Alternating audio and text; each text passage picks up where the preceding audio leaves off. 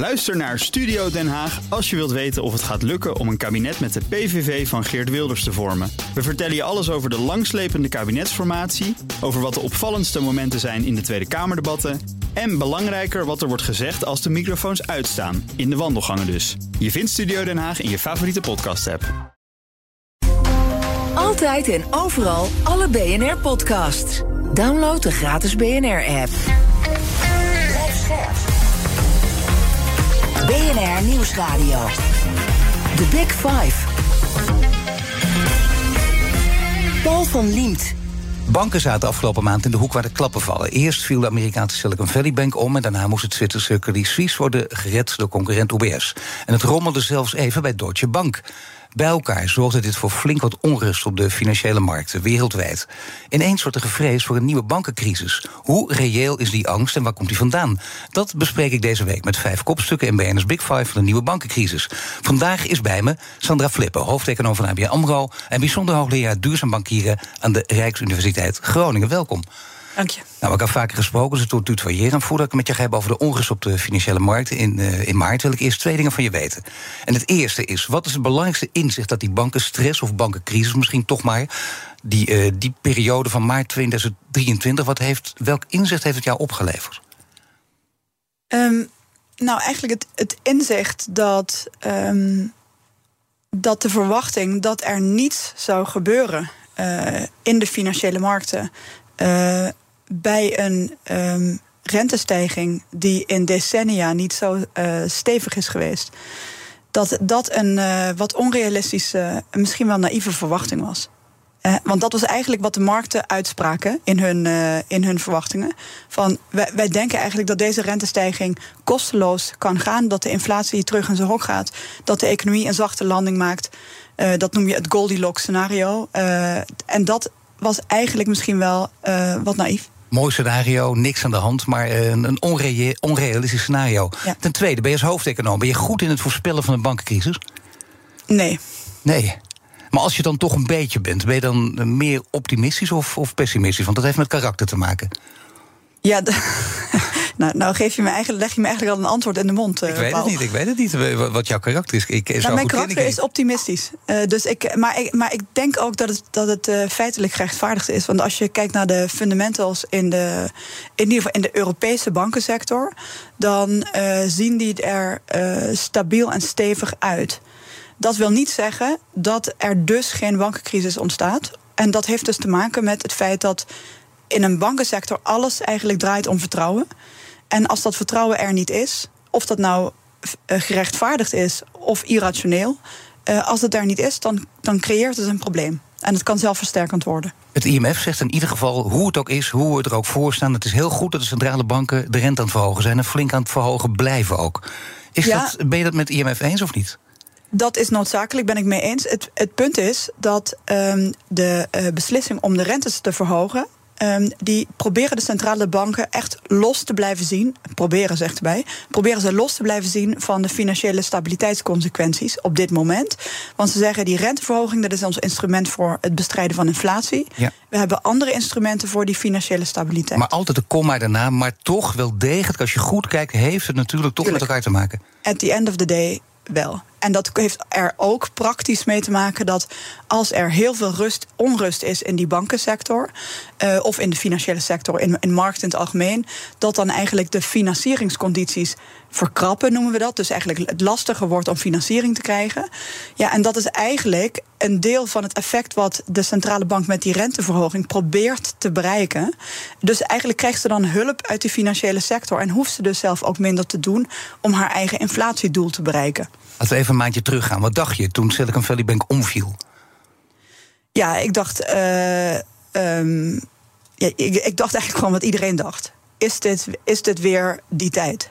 Dat is wat iedereen denkt. Je dacht ook meteen, het zal toch niet waar zijn dat er weer een nieuwe crisis aankomt? Zeker, ja. ja. En, en dan ga je lezen van wat is nou exact hier aan de hand. En dan blijkt dat bij bijvoorbeeld die Silicon Valley Bank een aantal hele waanzinnige factoren bij elkaar te komen. Dus bijvoorbeeld um, dat uh, de hele grote depositohouders van boven de 250 uh, um, dollar. dollar. Dat die allemaal of in grote getalen uit dezelfde sector kwamen, allemaal uit de techsector. En dat ze ook nog eens een hele grote getalen elkaars uh, WhatsApp-nummer hadden. En elkaar gewoon een berichtje stuurden dat ze weggingen en dat iedereen volgde. En dat er toen tientallen miljarden op, binnen een uur de bank hebben verlaten. Ja, dat, dat verzin je bijna niet. Daarbij komt dat iets wat we eigenlijk wel wisten, was dat in 2008 uh, onder de hand van Donald Trump die um, banken zoals de Silicon Valley Bank, maar aan ook andere uh, middelgrote banken eigenlijk uit de regulering van Dodd-Frank zijn gehaald. Ja, de strenge uh, regulering gold alleen in Amerika dan maar voor de grote banken. Ja, en dat is ook wel een beetje zuur voor Europa, moet ik eerlijk zeggen. Want um, kijk, dus er is, er is in, uh, onder, onder het Baselakkoord is er stevig onderhandeld over het bankentoezicht sinds de financiële crisis. En uh, daar hebben de Amerikanen ook hard getrokken aan uh, heel streng toezicht. Vervolgens hebben zij dat toezicht alleen op hun grote spelers laten plaatsvinden. Terwijl in Europa geldt, geldt dat voor alle banken.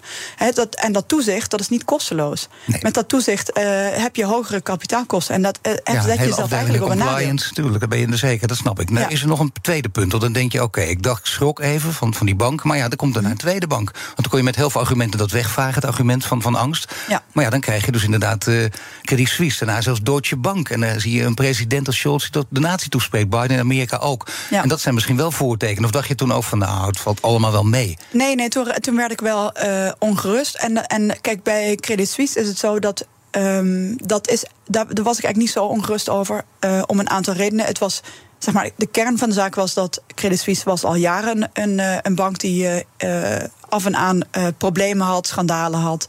Uh, en eigenlijk nu met wat de triggerde was, eigenlijk die, uh, dat, dat boekhoudschandaal, of dat ja. boekhoud, de, de moeilijkheid van het vaststellen van de, van de financiële controles. En wat je dan krijgt als er een, een, een soort van een sfeer is op de markten van wantrouwen, dan gaat die zwerm zeg maar, van uh, marktspelers die, die zoekt naar de volgende zwakste schakel. Die landt gewoon dan op een bank als Credit Suisse. Dat, was, dat is op zich niet zo gek. Dus dan is het ook uh, logisch daarna dat Deutsche Bank, waar je daar vervolgens naar kijkt, dat de president dan zegt: wacht even, want die voelt die sfeer aan, die moet het op dat moment zeggen, maar ondertussen toch geruststellend niets aan de hand. Dat is het, dat is het lastige. Je moet je, um, op het moment dat je iets zegt. Uh, kun je eigenlijk daarmee het signaal oproepen van: hé, hey, waarom vindt hij het nodig om iets te zeggen? Als er niks aan de hand zou zijn, zou het niet nodig zijn. Aan de andere kant, als je niet zegt, is ook de vraag: waarom zegt hij niets terwijl evident iets aan de hand is? Ja, ja nee, dat is inderdaad heel lastig. Ja. Dus uh, het gaat vooral om angst en vertrouwen, daar hebben we het over. Eigenlijk is dat het, en, en het hele angst, verhaal, in, in ieder geval maar, in Europa. Angst, angst ja. heb je toch ook met media te maken. Die, die wereld kan je ook van binnenuit. Hè? Je bent ook het chef economie, geeft het al in dag in een ander leven. Ja. Dus dat betekent dat je ook weet hoe daar werkt en hoe het zit. Hoe, hoe, hoe, als je, het is heel lastig, dat weet ik ook. Want jij hoeft de media niet bestraffend toe te spreken. Dat weet allemaal zelf wel. Iedereen nee. gaat zijn eigen gang. Maar je kunt misschien wel een paar handvatten aanbieden... of een paar ideeën aanbieden of inzichten.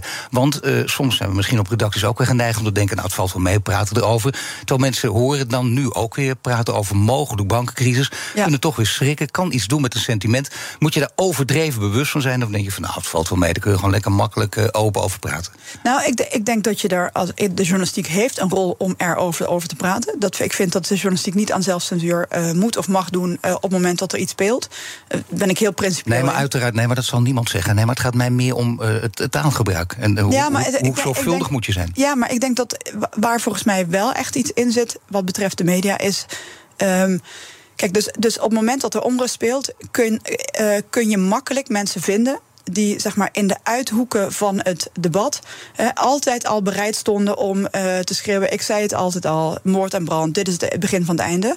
Maar daar vind ik dat de media een verantwoordelijkheid heeft op dat moment om dan niet alleen die uiterste van dat debat op te zoeken en ook wat meer in het midden te vragen. Of die mensen misschien geen podium te geven zelfs, of wel een podium, je maar kunt, geen, geen te groot podium. Nou ja, je moet het balanceren. Je moet, ik, ik denk dat, wel, dat je mag als medium altijd zeggen van ik wil het uh, geluid naar boven halen.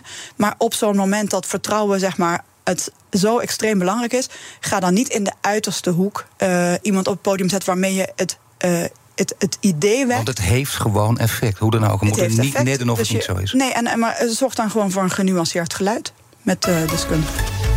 The Big Five. The Big Five. Paul van Liemt. Ja, voor een genuanceerd geluid vandaag mijn gast Sandra Flippen, hoofdeconoom bij ABN AMRO. Uh, bij ABN AMRO zelf overigens ook uh, even schrik of niet? Of viel het wel mee? Um, nou, dat viel het eigenlijk wel mee. Het, In de zin van dat er misschien mensen waren die dachten... we moeten ook bij ABN AMRO gaan weglopen.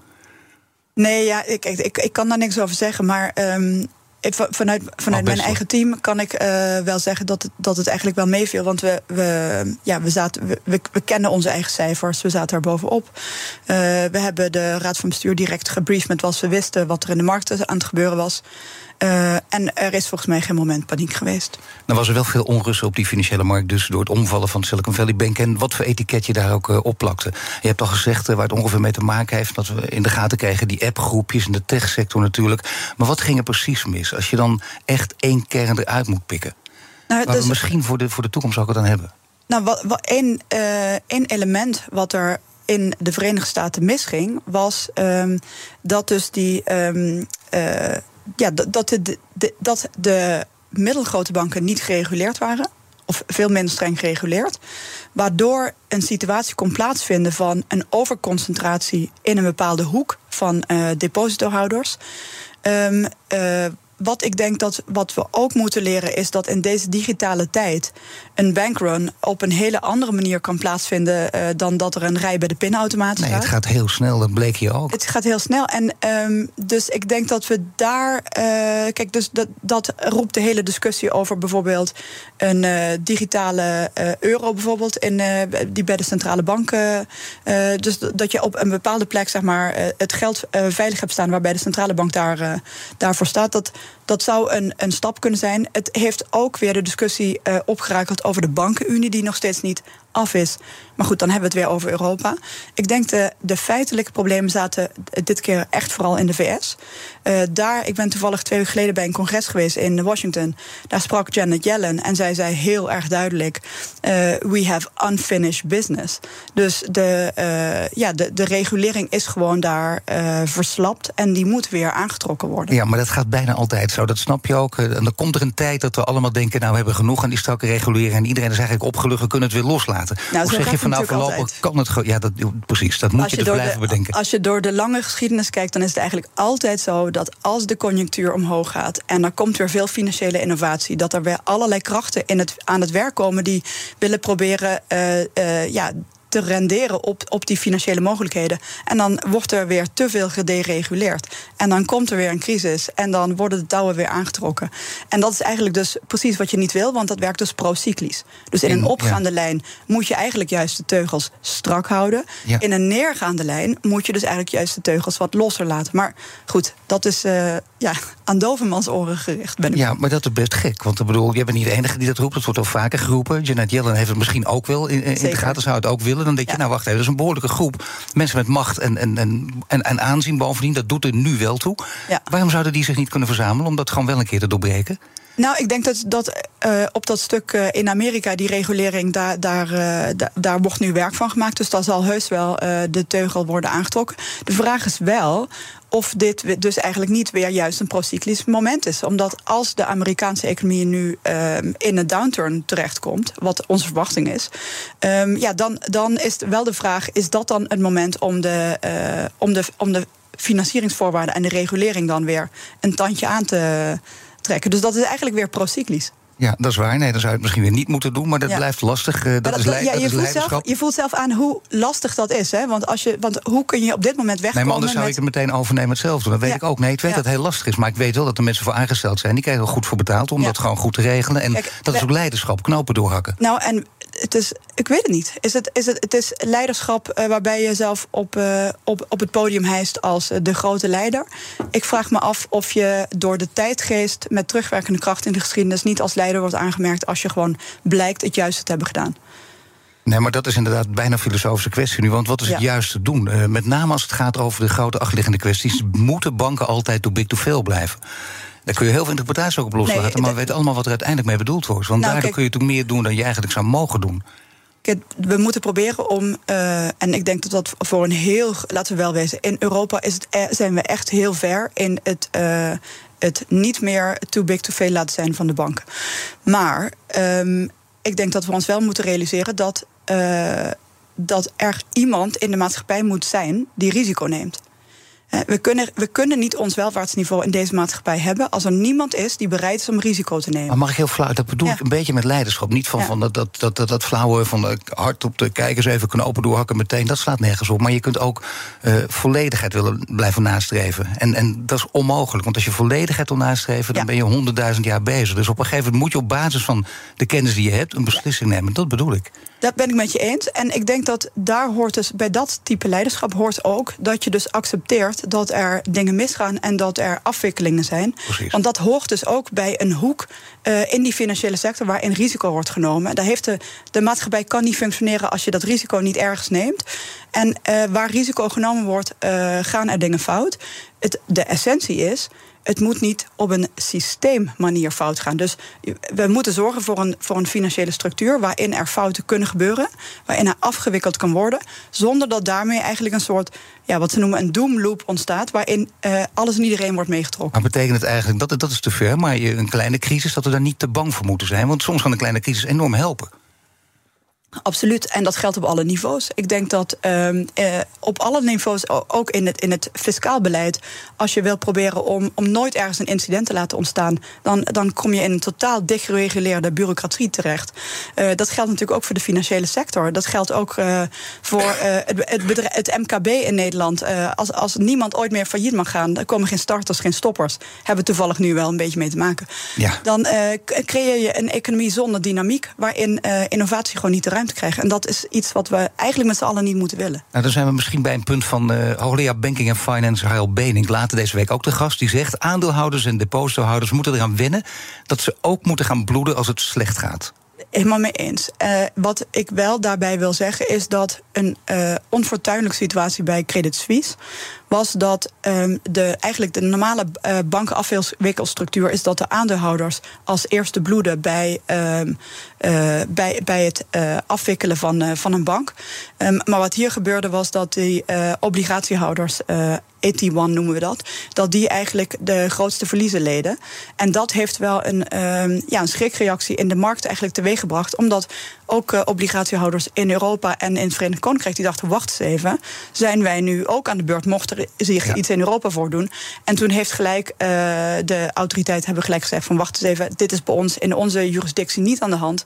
Bij ons gaan de aandeelhouders eerst. En zo, zo hoort het. Zo hoort het wel, maar je moet dus niet het verhaal krijgen dat per definitie, als we dan heel lang wachten, dat uiteindelijk uh, in die end altijd de belastingbetaler betaalt. Kijk, we hebben in de financiële crisis eigenlijk geleerd dat um, de manier waarop de Amerikanen het hebben gedaan na de crisis uh, een slimmere methode was dan bij ons. He, dus wij hebben daarna dat de overheden eigenlijk in de problemen zijn gekomen en, en de hele nasleep, we kennen het allemaal. In Amerika hebben de autoriteiten eigenlijk direct de aandeelhouders uh, veren uh, laten laten. En daarmee ja. zijn zij sneller weer op de been gehouden. En is eigenlijk, ja, zijn de risico's en is de pijn geleden waar die geleden hoort te worden. En, en bij ons nog, is dat gesocialiseerd. En dan leek in Amerika nog één creatieve oplossing voor namelijk banken die elkaar helpen. Het wordt samenwerken ook echt een woord van deze tijd. En Jamie Dimon van JP ja. Morgan Bank die haalde met andere grote banken geld op om de, de First Republic Bank te redden. Ja, is, zo, is dat volkomen uniek en nieuw of niet? Nou, dat is dus eigenlijk dat is dus wel leuk om te zien. Dat was dus precies zoals die nieuwe structuur sinds de financiële crisis was bedoeld te werken. En daarom ben ik ook uh, gematigd optimistisch over wat er in totaal allemaal gebeurde. Want wat je eigenlijk ziet is dat dit, dit was eigenlijk de eerste grote stresstest voor het, um, voor het toezichtssysteem rondom die banken. Dus het was, het was stress voor de banken zelf, maar het was ook het stress voor, de hele, voor, het, voor alles wat we sinds de crisis hebben opgetuigd. Dit was de eerste keer waarin dat op de proef werd gesteld. En eigenlijk deed het het heel goed.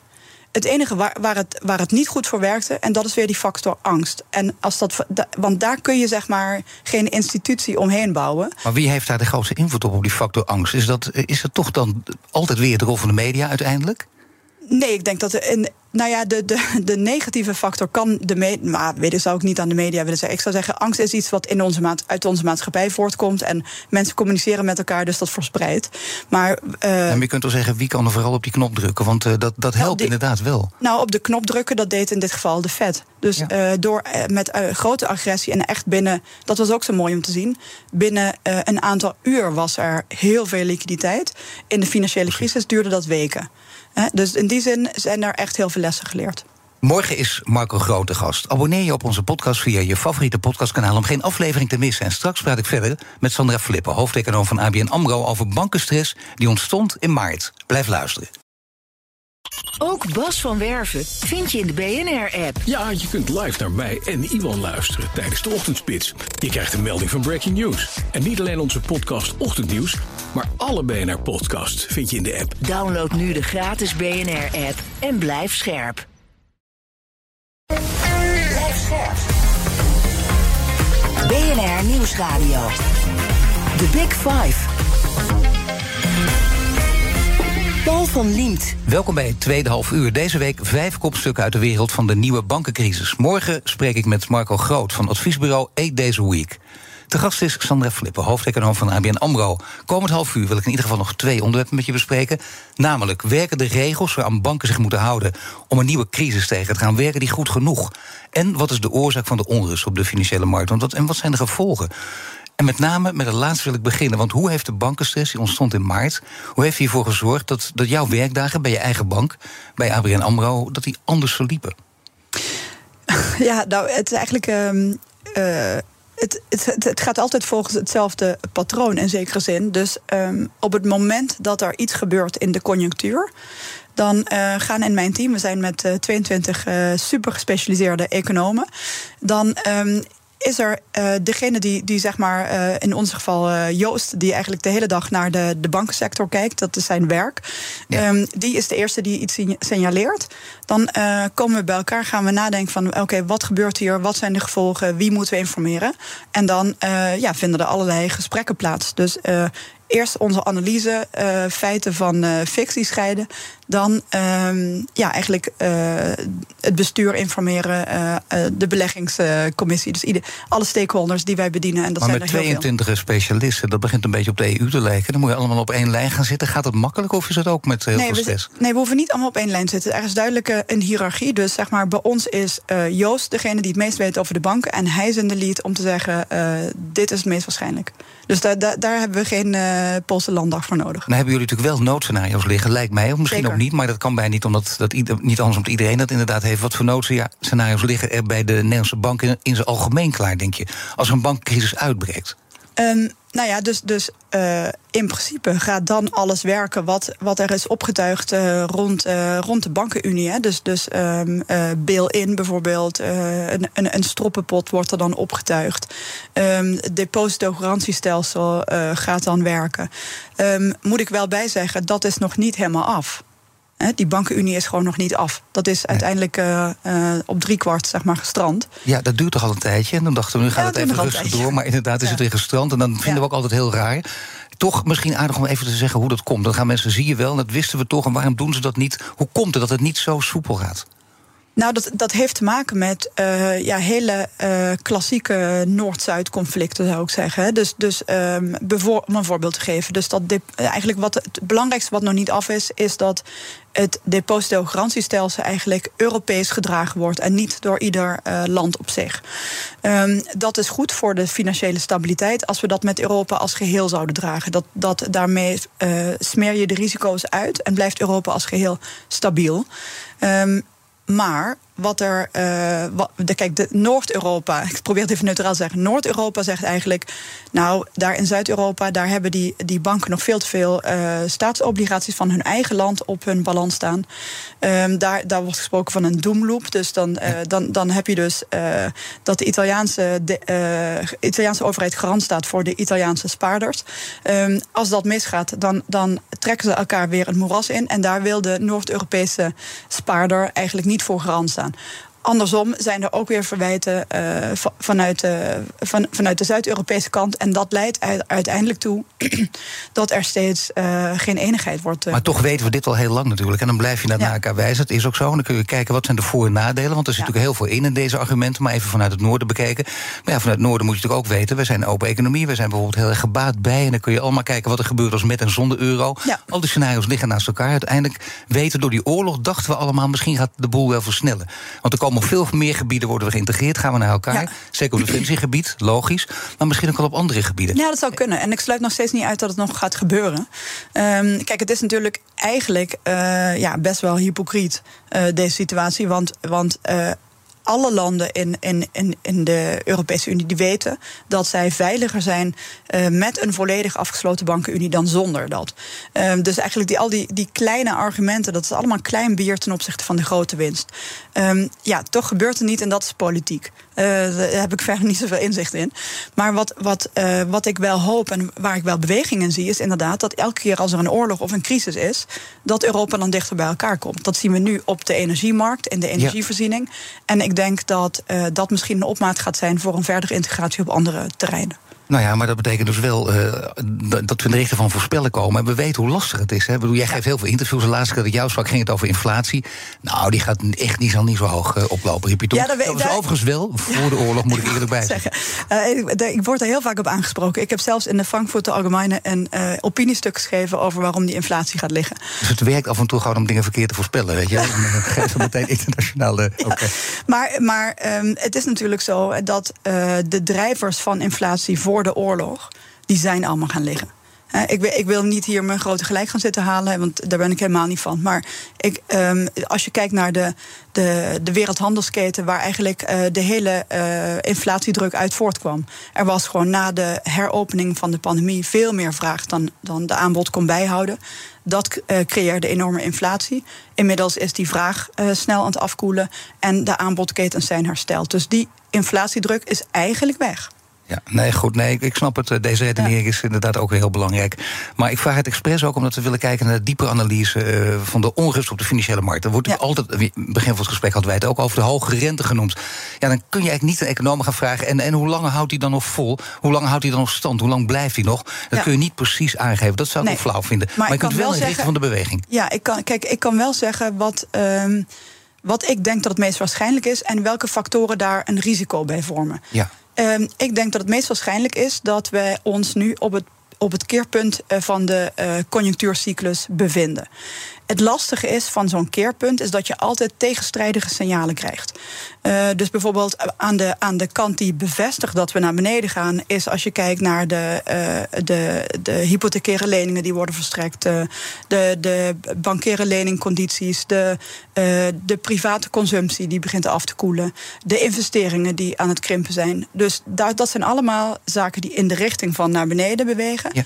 Maar wat we ook zien is dat de kerninflatie eigenlijk zelfs nog wat is ver, verhoogd in uh, de afgelopen maand. Dus dat, is, um, dat geeft aan dat, dat die consument dat daar iets raars mee aan de hand is. En dat geeft, um, nou, laat ik over zeggen, dus ons basisscenario is dat die afkoeling inderdaad staat te gebeuren nu.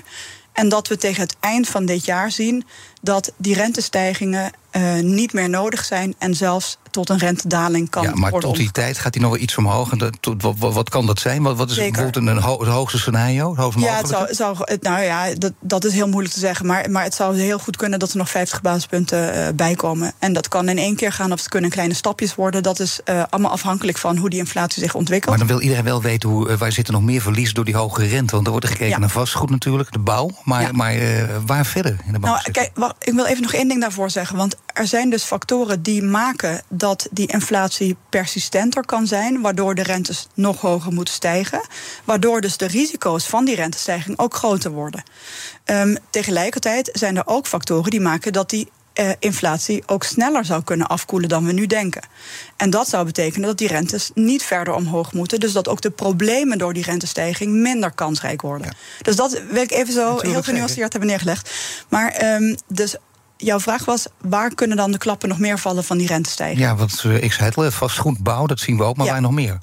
Nou, ik denk dat uh, die. De, dus je ziet de vastgoedinvesteringsfondsen is een kwetsbare groep. Dat heeft de ECB ook uh, laatst uitgesproken. Uh, er, is veel geld, uh, eigenlijk door ook die, die lage renteperiode. veel geld um, is niet bij de, de banken gestald, omdat die weinig ver, rentevergoeding boden natuurlijk. Dus dat geld is naar elders gegaan. Um, en vastgoedinvesteringsfondsen, dat, die, daar, daar zitten weinig buffers. Um, in de vastgoedsector zijn een aantal kwetsbaarheden komen daar bij elkaar. Bijvoorbeeld onze, bouw, onze vastgoedeconoom Paul die zegt altijd. Uh, ongeveer 20% van de, van, de, van de leningen moeten worden uh, geherfinancierd in een gegeven jaar. Ja, dat betekent dat 20% van die leningen te maken hebben met deze veel hogere rente dan toen ze uh, mogelijk werden afgesloten. Dus je, simpel Nederlands, je hebt veel zombiebedrijven, dus gaan heel veel van die bedrijven gaan ook omvallen. We krijgen heel veel faillissementen de komende tijd. Uh, het zou, nou ja, wij denken dat de faillissementen zeker zullen gaan oplopen de komende tijd. Maar daar moeten we niet direct dramatisch over doen. Want um, zoals we eigenlijk voor de reclame ook al eventjes bespraken. Um, het is ongezond dat we een situatie hebben waarin de faillissementen zo historisch uh, laag bleven de hele tijd. Dus dat het terugveert naar een normaal niveau. En dan kan het best wel fors uh, toenemen. Dat is allemaal nog gezond. Het wordt een probleem op het moment dat we met een grote faillissementsgolf te maken hebben. Die eigenlijk in principe gezonde bedrijven bedrijven ook weer uh, meetrekt. Omdat namelijk door faillissementen uh, raken meer mensen werkloos. Die kunnen minder besteden. Ja, maar ik heb het nu inderdaad over de zombiebedrijven. Je zegt dat is heel gezond. Zo gaat het ook. Zo werkt het altijd natuurlijk in de economie. Ja. En uh, dat betekent ook, daar hebben we wel lang op zitten wachten. En dat heeft te maken met al die maatregelen waar we het over hadden. En met, met al die dingen die gebeurd zijn. Maar het betekent wel, komende tijd, heel veel faillissementen. Dat geeft natuurlijk wel een bepaald sentiment. Ja, het gekke is alleen dat um, als er uh, niemand failliet gaat in de komende tijd kan die economie ook niet afkoelen. We moeten ons steeds realiseren dat wij over de capaciteitsgrenzen van uh, onze conjunctuur heen aan het opereren zijn. Dus um, er moet worden afgekoeld. Uh, de personeelstekorten in de energietransitieberoepen... die uh, uh, zijn bijna 60% Dus voor 60% van de... Sorry, voor 30% van de vacatures... is bijna geen werknemer meer te vinden... die nog bereid is om te solliciteren. Nee, nee je zei al 60% maar ja, dat is inderdaad vooruitkijken. Nee, maar ik snap dat je... Ja. Want 30 is al idioot, maar het is niet voor niets. Misschien wel een grappige verstreking... omdat ik heb het idee ook dat dat nog alleen maar toe zal nemen. Ja, dus we, we houden alle activiteiten op dit moment overeind... waardoor zeg maar, de, de plek waar we naartoe willen bewegen, die komt niet op gang. Dus er moet afkoeling plaatsvinden. Anders kunnen we onze doelen als land gewoon niet meer realiseren. Ook Harm Edens vind je in de BNR-app. Je kunt BNR Duurzaam niet alleen live luisteren in de app, maar ook terugluisteren als podcast, zoals al onze podcasts. En naast dat de BNR-app Breaking News meldt, houden we je ook op de hoogte van het laatste zakelijke nieuws. Download nu de gratis BNR-app en blijf scherp. BNR Nieuwsradio. The Big Five. Paul van Liemt. Je luistert naar BNS Big Five van de nieuwe bankencrisis. Later deze week praat ik nog met Arnoud Boot, hoogleraar ondernemingsfinanciering en financiële markten aan de Universiteit van Amsterdam. Mijn gast is Sandra Flippen, hoofdeconoom van ABN Amro. En we hebben natuurlijk een kettingvraag, eh, Sandra. Ik zou hem bijna vergeten. Ja. Mijn gasten stel ik aan vragen via de kettingvraag. En in de vorige aflevering was hij directeur van het Sociaal en Cultureel Planbureau Karen van Oudenhoven. En die heeft deze vraag voor je. Nou, ik wil dan even ook aanhaken op een bevinding uit ons onderzoek. En dat gaat over die zorgen over de economie. Uit de laatste meting blijkt dat 74% van de mensen denkt dat het slechter zal gaan de komende periode met de economie. Terwijl 41% van de mensen denkt dat het met hun eigen economische situatie de komende periode slechter zal gaan. Dus daar zit een gat tussen. En ik ben benieuwd hoe zij kijkt naar dat gat en of ze daar een verklaring voor heeft. En ik ben ook wel benieuwd hoe zij kijkt naar het vertrouwen van burgers in al die dynamiek rond banken zoals die er op dit moment uh, is. Want wij zien ook uit onderzoek dat bijvoorbeeld het vertrouwen dat burgers hebben in grote ondernemingen best laag is. Ik ben ook wel benieuwd hoe zij kijkt naar het vertrouwen van de burger in de bank. Daar hebben zij ongetwijfeld ook metingen van. En hoe zich dat in deze tijd ontwikkelt. Kijk, twee vragen. En laten we er eerst even mee beginnen. Uit die laatste meting. Ja, maar goed, laat ik er maar twee vijf vinden. Ik hoor misschien wel vijf, ja. 74% van de mensen denkt dat het de komende periode slechter gaat. Terwijl 41% zegt met mijn eigen situatie niet. Waar zit het gat? Groot nou, gat. Ja, maar uh, toch, dat, dat had iets preciezer gemoeten. Want wat ik nu niet weet bij deze vraag is... zijn het nou, die, zeg maar, dus 74 zegt... Uh, met ons uh, gaat het slecht. En 41 zegt, eh, met mij gaat het slecht. Zijn dat nou dezelfde mensen? Of uh, zijn die, is dat nou een overlappende groep of is dat juist een verschillende groep? Dat is wel ja, heel zou belangrijk. moeten weten. Als we er even nu vanuit gaan dat het dezelfde groep is. Dezelfde groep, ja. Dan is het dus, dan is het dus ongeveer de helft van de mensen uh, die zegt met ons gaat het slecht, die zegt ook met mij gaat het slecht. Nou, dat is, uh, dat vind ik interessant, want dat is dus ongeveer half-half. En dat is voor mij wel een bevestiging van wat, waar we nu een beetje tegenaan hikken. Is namelijk een probleem waarin door bijvoorbeeld inflatie uh, en um, nog uh, relatief beperkte loonstijging voor veel mensen, is er een reële inkomensdaling geweest. Uh, en dus dat raakt een bepaalde groep. Maar er is ook een bepaalde groep die dat weer helemaal niet raakt. En dat hangt dan af van hoe goed je huis geïsoleerd is, of je zonnepanelen hebt en wat je energiecontract was. Dus wat, waar we in Nederland tegen aankijken is dat er is een groep die heeft enorm veel last van wat er allemaal gebeurd is afgelopen jaar. Er is een groep die heeft daar helemaal geen last van gehad en die is blijven doorbesteden. Die groep is die is blijven doorbesteden, die heeft een gigantische inflatie mee helpen aanwakkeren. En met die inflatie komt de rentestijging van de ECB om de hoek, die weer een nieuwe groep eigenlijk kwetsbaar maakt, namelijk de huizenkopers of de mensen moeten die moeten herfinancieren of ondernemers. Dus daar komt eigenlijk weer een nieuwe groep van mensen die nu zouden zeggen: ja, met mij gaat het slecht. En ik denk met ons gaat het slecht. Um, dat het met ons slecht gaat, dat komt volgens mij ook door heel veel krantenkoppen. Uh, waarin hebben we het over de, media. de rol van de media, wel degelijk. Nou, ik zou zeggen de rol van het Centraal Bureau voor de Statistiek hier. Want uh, uh, de, en, en ook, dat is niet verwijtbaar hoor, maar de CBS heeft een nieuwe methode om inflatie te meten. Daar wordt te weinig aandacht aan besteed. Want die inflatie blijkt op het hoogtepunt wel 6% lager te hebben gelegen dan in de eerste berekeningen. Ja, dat zijn inderdaad wel extreme verschillen. Dat is wel heel altijd groot. Continu bij zeggen. Daar moeten we het over hebben. Want hoge inflatie in de kranten creëert inflatieverwachtingen. En als die inflatieverwachtingen eigenlijk veel te hoog zijn, dan moeten we hierover praten. Namelijk, mensen, de inflatie is minder hoog geweest. De soep is minder heet gegeten dan we dachten. En uh, we kunnen allemaal iets kalmer aandoen. Dus dat die, die 74% die zegt met ons gaat het slecht ik denk dat het met ons iets minder slecht gaat dan de mensen denken. En dan die tweede vraag: hoe zit het met het vertrouwen van de burger in de bank? Is het afgenomen, sterk afgenomen? Um, ik heb het idee uh, van niet. Ik, ik, denk wel dat. Hebben jullie geen cijfers over? Dat je niet ziet van nou deze maand is het vertrouwen toegenomen, de maand later weer afgenomen? Nou, ik, ik, vast, er worden vast cijfers over staan, maar dat is niet mijn. Dat klinkt heel flauw, maar het is niet mijn afdeling. Dus kijk, ik word echt betaald en mijn hele groep om naar buiten te kijken. Um, uh, we kijken niet naar de bank zelf, want dan zou ik ook in een positie komen dat ik de hele tijd de bank zou moeten verdedigen. En dat, dat, uh, dat hoef ik gelukkig niet te doen. Dus ik ken die cijfers ook niet. Nee, nou, ik zou het hem achteraf wel fijn vinden. Als ik bij de bank zou werken, zou ik willen weten: is het vertrouwen toegenomen of afgenomen? Ja, nou, traditioneel is het vertrouwen sinds de financiële crisis in de banksector vrij laag. Ik weet wel dat sinds de pandemie uh, dat uh, enorm is gestegen, omdat uh, banken heel veel met, met overheidsgaranties heel veel bedrijven overeind hielpen. Maar waar het nu staat, ik heb echt geen idee. Nee, wat zou je wel kunnen doen als het. Uh, ga er maar vanuit dat het wat lager is dan tijdens de pandemie. Want dat is een hele duidelijke reden om meer vertrouwen te hebben. Maar wat zou je dan kunnen doen? Want dat willen al die instellingen. Die zijn allemaal mee bezig. Vertrouwen is belangrijk. Gezag moet ook verdiend worden. En dat, heb je nodig. En dan gaat, gaat, het ook goed. Maar wat kun je als bank dan doen om vertrouwen terug te winnen? Nou, ik, daar heb ik wel ideeën over. Ik denk namelijk dat de banken in het algemeen, zeg ik dan eventjes. Hè, um, uh, maar dat geldt ook voor mijn eigen bank. Dat um, volgens mij gaan we een hele turbulente uh, fase tegemoet. dus uh, geopolitiek, uh, energietransitie, er is van alles aan de hand. Inflatie. Maar de complexe tijden, daar gaat ongeveer elk congres gaat er ook over. Ja, het, we leven echt in een zeer turbulente uh, fase van, van, van, van de geschiedenis, zou ik zeggen. Um, en ik denk dat niet altijd, want in de tijd dat ik opgroeide was het eigenlijk allemaal heel saai. Maar nu is het echt heel spannend. En wat je volgens mij van uh, grote instellingen wil, en dan met name van financiële instellingen die gaan over uh, mensen hun financiële weerbaarheid, dan wil je eigenlijk dat uh, organisaties eerlijk zijn over de risico's die er op je afkomen. En eigenlijk klaarstaan met advies en daadkracht om je weerbaarder te maken tegen die risico's. Maar zou je er echt een groot risico uit kunnen pikken? Want juist in complexe tijden denken we: oh ja, het kan dit zijn, kan dat zijn. Het is ook zo, komt van alle kanten. Maar er zijn natuurlijk altijd een paar die prioriteit hebben. Ja, kijk, op de hele korte termijn is het renterisico volgens mij het allergrootste. Dus uh, herfinanciering, hoe ga je dat doen? Uh, stel, eh, even vanuit een organisatie denken, als een, als een MKB'er denkend.